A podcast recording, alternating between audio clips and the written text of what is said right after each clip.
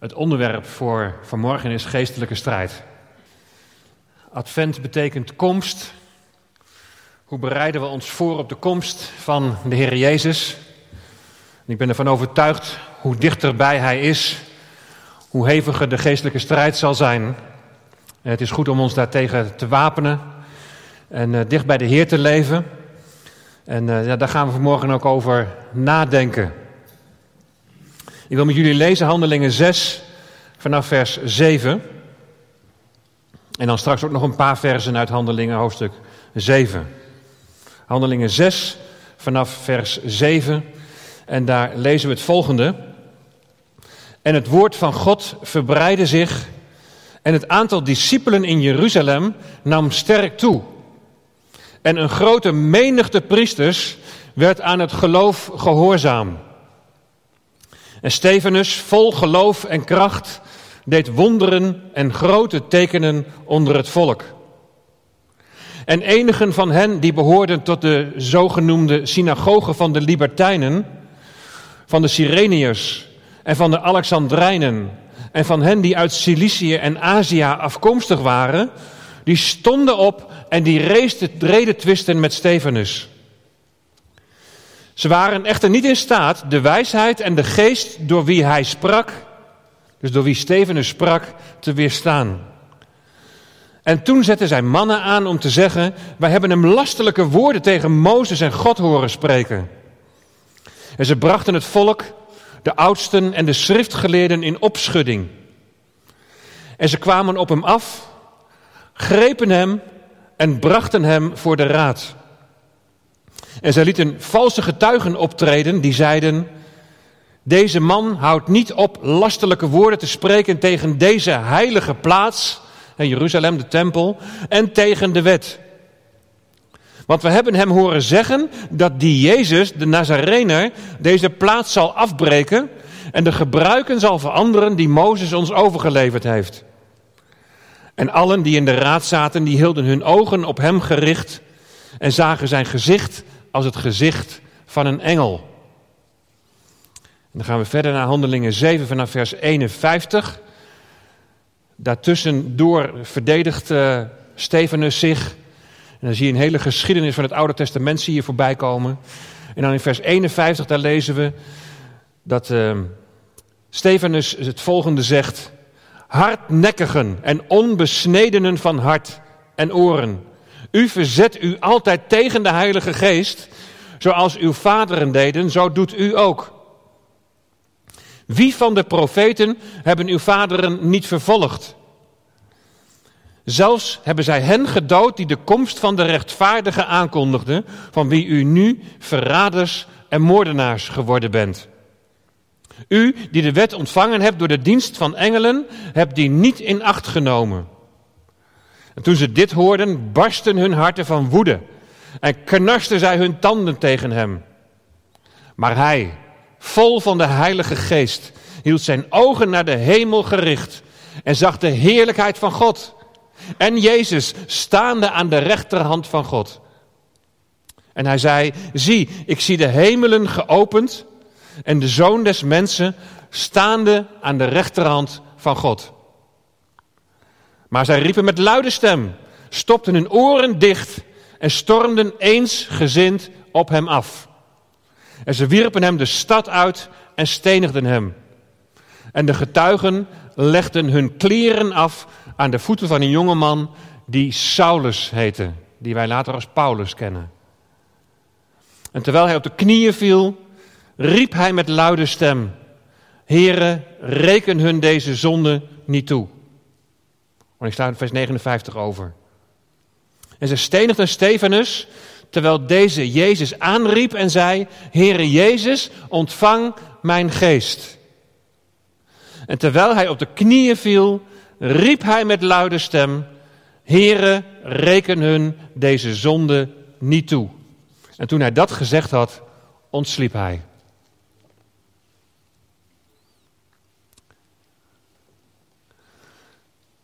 Geestelijke strijd. Licht en duisternis. Waar sta jij? Sta je in het licht of sta je in de duisternis? Want meer smaken zijn er niet. Ieder mens staat van nature, vanaf zijn geboorte, in de duisternis. Omdat je geest verduisterd is. De mens bestaat uit geest, ziel en lichaam. En onze geest is dat gedeelte van ons waar we in relatie zouden kunnen staan met God. Maar van nature, van geboorte af, is je geest verduisterd. Je hebt geen relatie met God, je hebt geen relatie met je schepper. En het zijn jouw ongerechtigheden, het zijn jouw zonden die tussen jou en God instaat, zegt de Bijbel. Je leeft van nature onder die invloedssfeer van de Satan. Hij die de overste van deze wereld wordt genoemd. En de mens die heeft zichzelf aan hem overgegeven door al vanaf het begin zich van God af te keren. Maar in die duisternis roept God: keer je om. Bekeer je. Zie op mijn zoon die zijn leven gaf voor jou. Zie op Jezus die de macht van de duisternis heeft verbroken toen hij stierf aan het kruis. Hij stierf voor jou. En hij droeg jou en mijn zonde. De losprijs is betaald. Bevrijd uit de duisternis en overgezet in het koninkrijk van het licht. God maakt vrij, hebben we gezongen. Geestelijke strijd. Twee koninkrijken die, die met elkaar botsen. Het rijk van de duisternis en het rijk van het licht. Waar sta jij? De laatste tijd vraag ik steeds vaker aan mensen in gesprekken: wie is de Heer Jezus voor jou? Want wie Hij is voor jou bepaalt ook waar je staat. En regelmatig maken we mee dat mensen uit onze gemeente met deze vraag in verlegenheid worden gebracht. Er zijn mensen die nooit geleerd hebben om over hun geloof te spreken, om het onder woorden te brengen. Er zijn mensen die, die geen geloofszekerheid hebben. En die dan schrikken van zo'n vraag. Wie is Jezus voor jou? Er zijn mensen die beleven geloof als een traditie en zijn niet gewend om te spreken vanuit een relatie. Wie is Jezus voor jou? Kun je het zeggen? Hij is mijn redder, hij is mijn verlosser. Hij is mijn Heer. Hij heeft mij getrokken uit de duisternis in zijn wonderbaar licht. Mijn zonde vergeven toen hij stierf aan het kruis. Hij in mijn plaats. Hij is de opgestane Heer. En in hem heb ik nieuw leven ontvangen. En hij woont door zijn geest, woont hij in mij.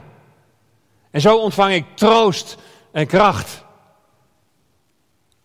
En dat heb ik nodig, want in het nieuwe leven dat ik heb ontvangen, ervaar ik geestelijke strijd.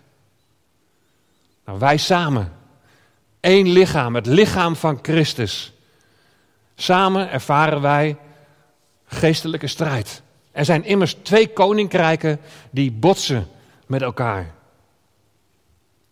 En er is een strijd gaande om jouw ziel, om jouw zijn. Er is een strijd gaande om invloed in jouw leven te hebben.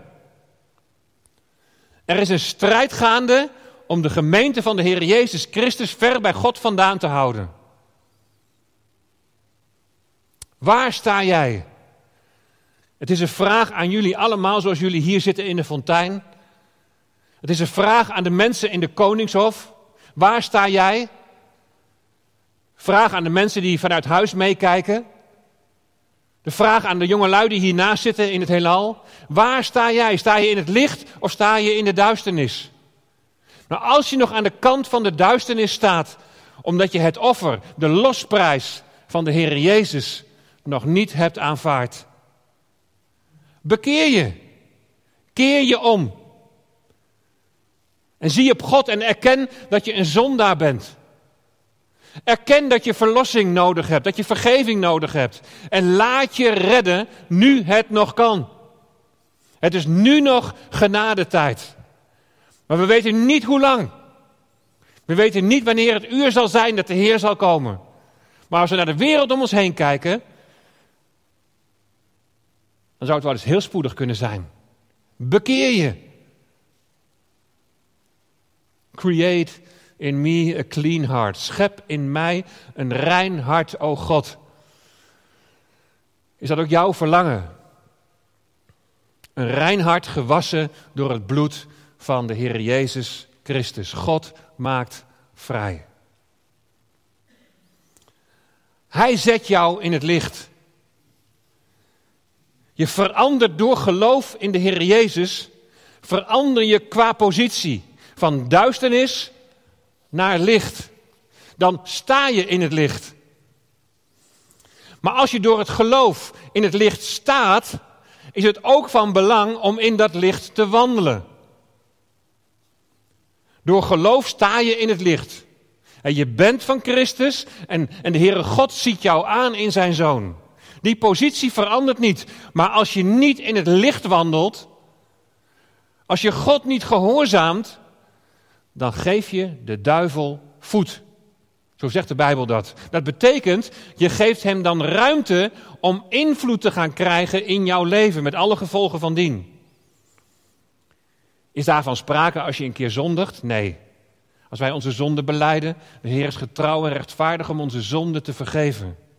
Maar als je in de zonde wandelt, als je bewust in zonde volhardt en die niet beleidt, dan wandel je niet in het licht. Dan geef je ruimte aan boze machten om invloed te krijgen in jouw leven. En, en die boze machten zullen vooral die levensstijl aanmoedigen van het wandelen in de zonde. Moet je vooral doen. Die machten zijn erop uit om jouw geestelijk leven te vernietigen. Let wel, je blijft altijd zelf verantwoordelijk. En je kunt die verantwoordelijkheid niet afschuiven door te zeggen: maar ja, het zijn die boze machten die, die me met dit of met dat verleiden. Als je volhardt in zonde, zal dat ook als boze machten geen invloed op je uitoefenen, zal het gevolgen hebben voor jouw geestelijk leven. Waar sta je en waar wandel jij? Wandel je in het licht met Jezus? We hebben de vorige keer de eerste haarscheurtjes gezien in de gemeente. Die eerste Messias beleidende gemeenschap van Joden en Jodengenoten. Die nieuwe stroming binnen het Jodendom. Zij die van de weg zijn. En wat gebeurt er? Er wordt gemopperd. De Grieks sprekende weduwen worden over het hoofd gezien.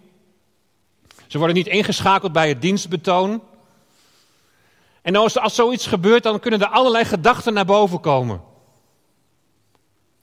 Wat je gedachten betreft kun je zomaar opschuiven van licht naar de duisternis. Negatieve gedachten die je gaan beheersen terwijl je niet eens hebt gecheckt of het echt waarheid is. Negeren ze ons expres? Vinden die Hebreeërs die Aramees spreken, vinden die zichzelf belangrijker of zo? Zien ze ons maar als import, als, als een vreemde? En voordat je het weet, is er een bolwerk van gedachten waarvan je niet eens zeker weet of het wel waarheid is. Maar het werkt intussen, werkt het verwoestend. Er ontstaat verwijdering. En de eenheid van de gemeente staat op het spel. Herken je die, die, die werking van je gedachten? Check jij altijd of jouw gedachten over iemand of over een bepaalde situatie, hè, of dat ook werkelijkheid is? Of het ook klopt? Nou, waarom is die hele gedachtenwereld, waarom is dat nou zo belangrijk? Jouw gedachten bepalen jouw gedrag. Negatieve gedachten ga je terugzien in je gedrag. Je wordt over het hoofd gezien, zoals die Grieks sprekende weduwe. Je krijgt negatieve gedachten. Ze moeten me niet. Gevolg in je gedrag. Je gaat mopperen. Je kijkt iemand niet meer aan. Je gaat iemand negeren. Je laat die ander links liggen. En zo wordt in jouw gedrag Christus niet zichtbaar. Integendeel, je schuift op naar de duisternis. Je geeft de duivel voet, je geeft ruimte voor invloed. Hij krijgt ruimte om, om verwarring te stichten en de eenheid in de gemeente te ondermijnen. Ik heb niet de indruk dat de Grieks sprekende weduwen bewust over het hoofd worden gezien. Het kan zomaar het gevolg zijn van de explosieve groei van de gemeente. Misschien was het ook wel een taalprobleem. Maar waar gemopperd wordt, waar de eenheid van de gemeente op het spel staat, daar moet er ingegrepen worden. Er moet iets gebeuren. Dit is niet acceptabel, zo zagen ze dat daar ook. Wees alert op je gedachten. Check of het waarheid is. Blijf in gesprek met elkaar. En doe je best om de eenheid binnen de gemeente van de Heer Jezus Christus te bewaren. Nou, hier in Handelingen 6 wordt aan een oplossing gewerkt. Zeven mannen worden aangesteld. En door handoplegging door de apostelen krijgen ze dezelfde autoriteit, krijgen ze dezelfde volmacht als, als die twaalf. Zeven Grieks sprekende mannen, zodat zij de belangen kunnen behartigen van hun achterban. En samen met die twaalf belichamen zij de eenheid van de gemeente. Opgelost, ze kunnen weer verder. Het moest opgelost worden, het is opgelost en ze kunnen weer verder. De eenheid bewaren is zo essentieel. Want wat is het gevolg als de gelederen weer gesloten zijn? Dan lees maar mee in vers 7. Het woord van God verbreidde zich en het aantal discipelen in Jeruzalem nam sterk toe en een grote menigte priesters werd aan het geloof gehoorzaam. Maar is dat niet iets om blij van te worden? Het koninkrijk van het licht, volop in de overwinning. Een jubelstemming neem ik aan. De eenheid en de onderlinge liefde wordt de laatste maanden in de gemeente behoorlijk op de proef gesteld. En dat is op zich niet verkeerd. Ik zie het als een leerproces. Hoe gaan we met elkaar om in een tijd dat we behoorlijk worden geschud? We hebben veel huiskringen, zo'n twintig ongeveer. En ik zie heel veel inzet en creativiteit om elkaar te blijven ontmoeten. En ze proberen zich zoveel mogelijk te houden aan de bekende maatregelen, zoals anderhalve meter en een maximale groepsgrootte in huis en in de kerk. Bij een enkele huiskring loopt dat niet helemaal lekker. En ik weet helemaal geen details en heb daar ook geen gezichten bij. Zo nu en dan hoor je wel eens wat, maar wie de schoen past, die trekken hem aan. De huiskringleiders hebben de opdracht om zich aan de maatregelen te houden. Weet je, het virus is een feit. Daar kunnen we niet onderuit. En ik weet niet hoe betrouwbaar de testen zijn. Ik weet niet hoe betrouwbaar het vaccin zal zijn. Verborgen agenda's zullen me niet verbazen. Er speelt van alles waarvan wij niet weten of wat we niet kunnen zien.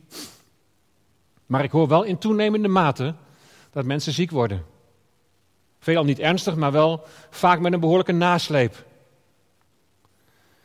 Iemand op de introductiekring die zei heel eerlijk: Ik ging er heel laconiek mee om. Maar nu ligt mijn opa van 69 op de IC te vechten voor zijn leven. En hij is inmiddels overleden. Er zijn mensen die die niet van plan zijn om daarin mee te gaan in die maatregelen of die ook daarin heel laconiek zijn. Gevolg is gemopper, gevolg is verwijdering. Pas op. Je zet de eenheid van de gemeente op het spel.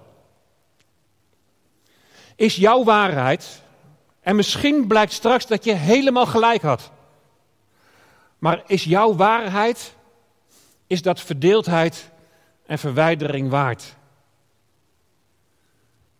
Ik wil een oproep doen. Respecteer gewoon de regels die er zijn en geef mensen die bijvoorbeeld een kwetsbaar beroep hebben en daarom voorzichtig moeten zijn, de kans en de ruimte om ook geestelijk bij te tanken in de kringen.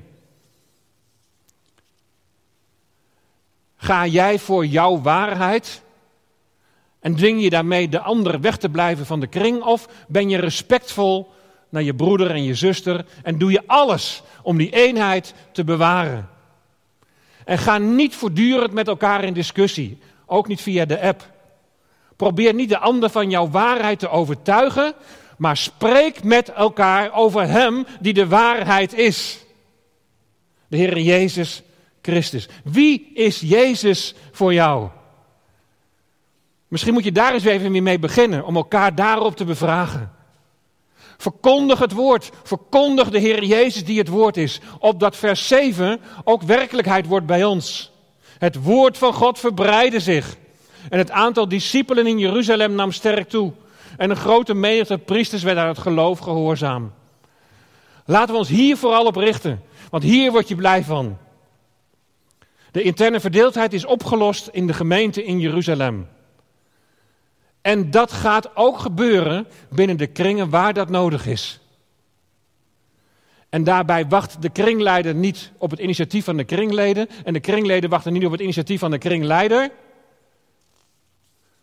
Maak het in orde en zorg dat de bressen in de muur, waar de vijand zijn vinger tussen kan krijgen, dat die wordt gedicht. In Jeruzalem, daar hebben ze het weer op de rit. Maar dan, dan komt de strijd van buitenaf. Pas op, als er reden voor jubel en van blijdschap is omdat de Heer toevoegt, dan moet je op je hoede zijn.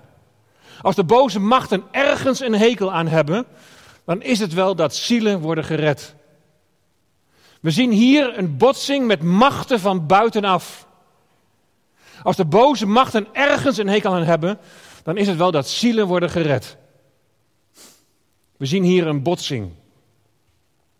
Een botsing tussen de religieuze elite in die tijd en degene die Jezus als Messias beleiden. Een van die zeven Grieks sprekende mannen, Stefanus, is vol geloof en kracht en doet wonderen en grote tekenen onder het volk. Hij zal zich vooral hebben gericht op zijn eigen achterban van Grieks sprekende Joden, die hun eigen synagogen, die hun eigen bijeenkomsten hadden. Je zou het immigrantengemeenschappen kunnen noemen. De libertijnen worden genoemd. Dat waren waarschijnlijk de vrijgelaten nakomelingen van Joden die in het verleden als slaaf in Rome waren gedeporteerd. Velen van hen waren beïnvloed door de Romeinse cultuur, maar hebben besloten om terug te gaan naar hun vaderland. De Sireniërs die kwamen uit de buurt van Libië. Een kwart van de bevolking daar was Joods. De Alexandrijnen, die woonden in Alexandrië in Egypte, waar ongeveer een miljoen Joden woonden. Cilicië, daar ligt de stad Tarsus, de geboorteplaats van Saulus.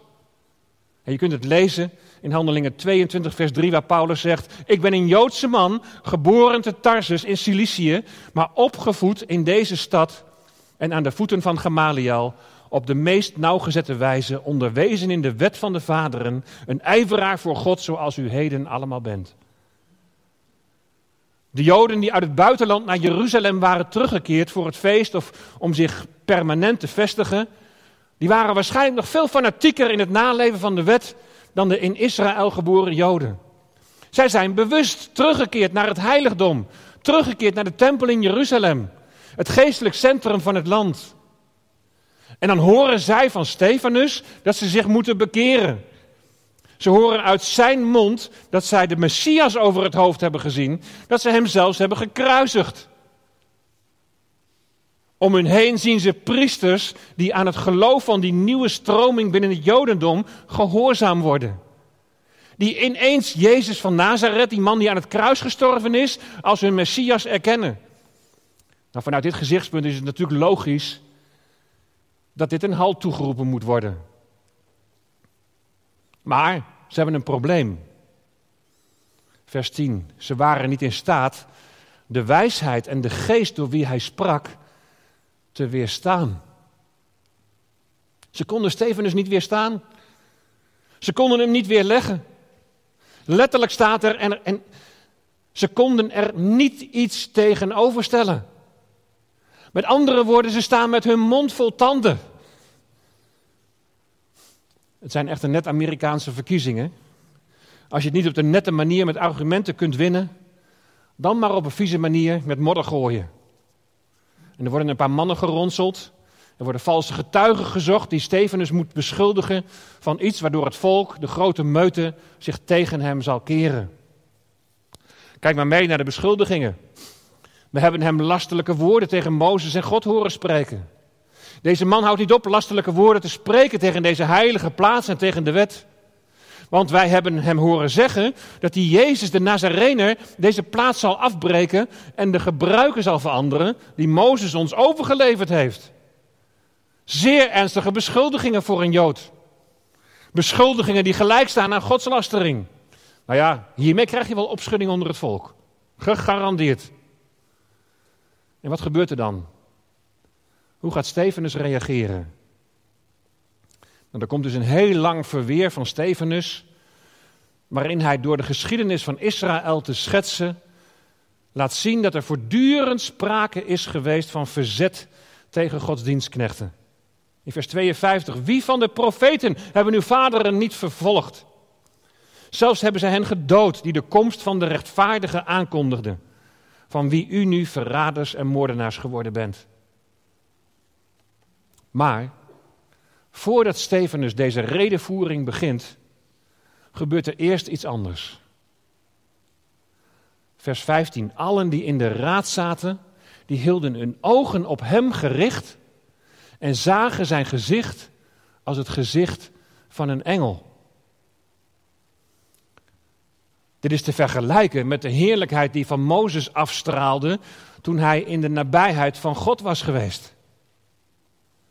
Voor de rechters moet het toch wel heel vreemd zijn geweest dat de man die ervan beschuldigd wordt de wet van Mozes te verwerpen, dat uitgerekend hij op Mozes gaat lijken.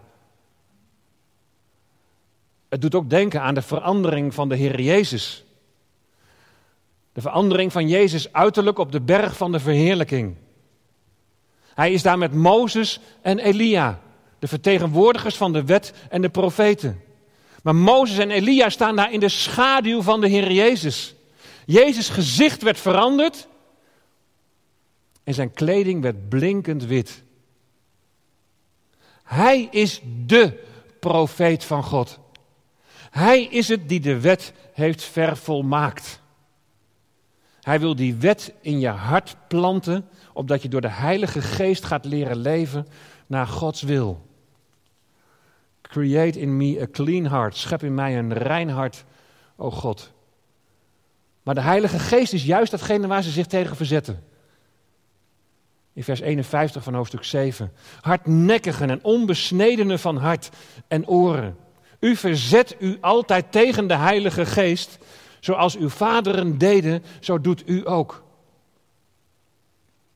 En met hun verzet tegen de Heilige Geest wordt bedoeld dat zij de profetieën en de woorden die onder inspiratie van de Heilige Geest waren gesproken, en zelfs door de Heilige Geest met tekenen werden bevestigd, dat ze dat afwezen. Ze zijn zo onder de indruk, of zo druk met hun religieuze leven, met de nadruk op uiterlijke zaken. Ze zijn zo druk bezig met hun waarheid, dat ze Hem die de waarheid is, over het hoofd zien. Geestelijke strijd. Twee rijken die met elkaar strijden. En wij zijn de pionnen. Geen pionnen die, die zomaar zonder dat we ons daartegen kunnen verzetten worden verplaatst. Nee, pionnen met een eigen verantwoordelijkheid. Een verantwoordelijkheid om de vrede en de eenheid te bewaren. Door ons te richten op Hem die de waarheid is. Hij die het licht is. Hem verwachten we. En we zien uit naar zijn komst. Er zal net als bij Stefanus tegenstand zijn.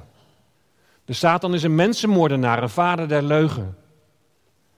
Hij zal er alles aan doen om jouw positie in het licht aan het wankelen te brengen, door jou te verleiden om in de duisternis te wandelen. Efeze 5 gaat over wandelen als kinderen van het licht. En die wandel die wordt daar beschreven als een wandel in liefde. Een wandel in het licht is een wandel in liefde. Er wordt daar gewaarschuwd voor ontuchtplegers, voor onreine mensen, voor hebzuchtigen. Onvruchtbare werken van de duisternis moet je ontmaskeren, staat in Efeze 5, vers 11. Je moet er niet deel aan nemen. En hoe worden dan die, die onvruchtbare werken van de duisternis, hoe worden die ontmaskerd? Niet in de eerste plaats door de ander van jou gelijk te overtuigen. Kijk maar eens mee in Efeze 5, vers 13. Maar al deze dingen komen openbaar als ze door het licht ontmaskerd worden. Want al wat openbaar maakt is licht. Maar de mensen in de raad die keken naar Stefanus en die zagen zijn gezicht als het gezicht van een engel. Hij verspreidde licht. Toen hij gestenigd werd, toen liet hij het leven van de Heer Jezus zien. En zij stenigden Stefanus, terwijl, Jezus, terwijl deze Jezus aanriep en zei, Heer Jezus, ontvang mijn geest. Precies dezelfde woorden die de Heer Jezus gebruikte naar zijn vader, Vader, ontvang mijn geest. En terwijl hij op de knieën viel, riep hij met luide stem, Heere, reken hun deze zonden niet toe. En toen hij dat gezegd had, ontsliep hij en was hij bij de Heer. Precies hetzelfde heeft de Heer Jezus gezegd aan het kruis. Vader, vergeef het hun, want ze weten niet wat ze doen. Stefanus laat het leven van de Heer Jezus zien. Duisternis wordt ontmaskerd door het licht. Enerzijds door orthodoxie. Dat betekent door het verkondigen van de rechten, de orthos, de rechte aanbidding, doxie. De verkondiging van de rechte leer, het verkondigen van de waarheid van Gods woord, dat is licht verspreiden. Maar tegelijkertijd ook orthopraxie. Dat betekent door recht handelen. Dat hetgeen wat je verkondigt, dat het ook de praktijk van je leven is. Geestelijke strijd. De boze zal er alles aan doen om de eenheid in de gemeente te ondermijnen. En als we bemerken dat dat gebeurt, dan moet er iets gebeuren. Hoe behoor je te wandelen opdat de eenheid van de gemeente gewaarborgd blijft? Ik lees tot slot Efeze 5 vanaf vers 15. Let er dan op dat u nauwgezet wandelt, niet als dwazen, maar als wijzen. En buit de geschikte tijd uit, omdat de dagen vol kwaad zijn.